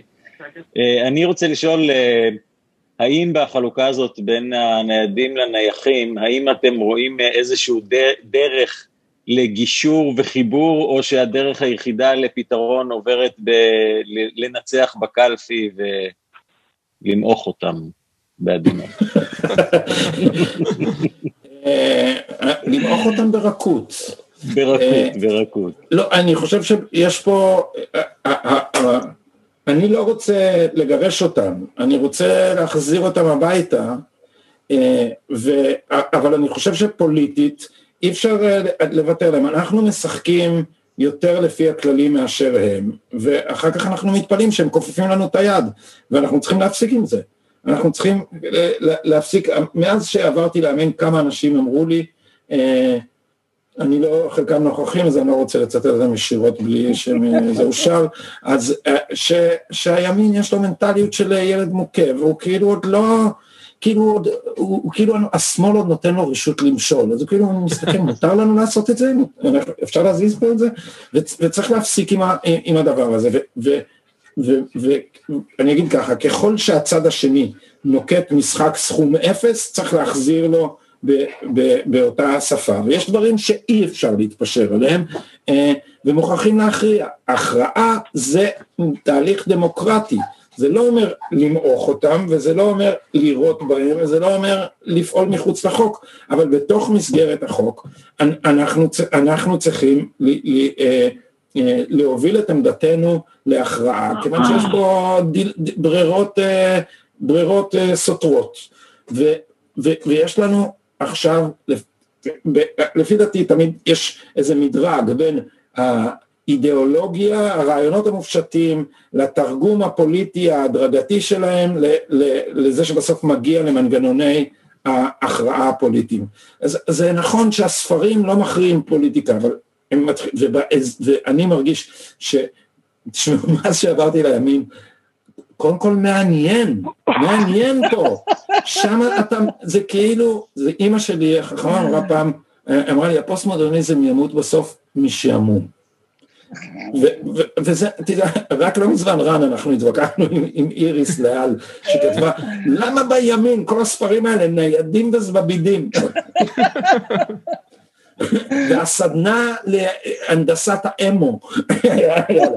אז כאילו, אתם, אין לכם, אין, אנחנו משחקים מול שער ריק, זה ממש מביך, זה לא שאין אנשים בשיעור, עם שיעור קומה בשמאל, יש אנשים, אבל איפה שלמה אבינרי על הדברים, על הדילמות של עכשיו? איפה אמנון רובינשטיין? איפה רותי גביזון, זיכרונו לברכה, שגם כן, איפה הם? הם לא, לא קיבלנו, אה, אה, אנחנו לא משחקים מול שחקנים שמציבים תוכן, אז אנחנו לא מתווכחים על התוכן, אנחנו מנהלים קרבות שנינות בטוויטר וקרבות פוליטיים בכנסת, ואז אתה, איך תתווכח עם המופרעים של רק לא ביבי, באמת, על, על מה אפשר להתווכח איתם? טוב, אני, יש לי הרבה מה להוסיף, זה נושא לדיון שלם, אבל אנחנו צריכים uh, לסיים. אני רוצה קודם כל להגיד תודה רבה לגדי, אבל לא על הערב הזה, אלא על הספר הזה, ואני שוב אומר שהוא מהבהב כאן בגלל הזה, אני שוב אומר, אני מסכים לגמרי, עותק אחד לא מספיק, צריך אותו, כל בן משפחה צריך עותק, ואני, ואני אומר עוד דבר, זה, זה לא סתם, קונים כדי לקרוא, אבל יש גם ערך משני, כי הדיונים האלה אפשריים, והעניין הזה בימין אפשרי, בגלל שאתם משקיעים בו כצרכנים, גם כמשתתפים בזום וגם כפעילים, אבל גם כצרכנים, גם אתר מידע הוא חי רק בגלל שאנשים עושים לו מנוי. מי שעשה מנוי גם קונה את הספר הזה בהנחה גדולה, אבל ככה אתר מידע חי, וגדי ימשיך לכתוב ספרים, בגלל שזה מקור שמפרנס אותנו, ואנחנו צריכים את התמיכה הזאת. השמאל מקבל כספי מדינה במיליארדים. לנו אין, לנו יש את, ה, את הדבר הזה שעוזר לנו לפנות זמן כדי להתווכח ולדון, ובשאיפה גם לתקן מה שדורש תיקון. אז קודם כל, תודה רבה, גדי. דבר שני, תודה לך, תודה רבה לכל האנשים שצפו, ותודה רבה לאורי, שהרים פה ערב למופת, ואורי, אני אתן לך את מילת הסיום אחרי גדי.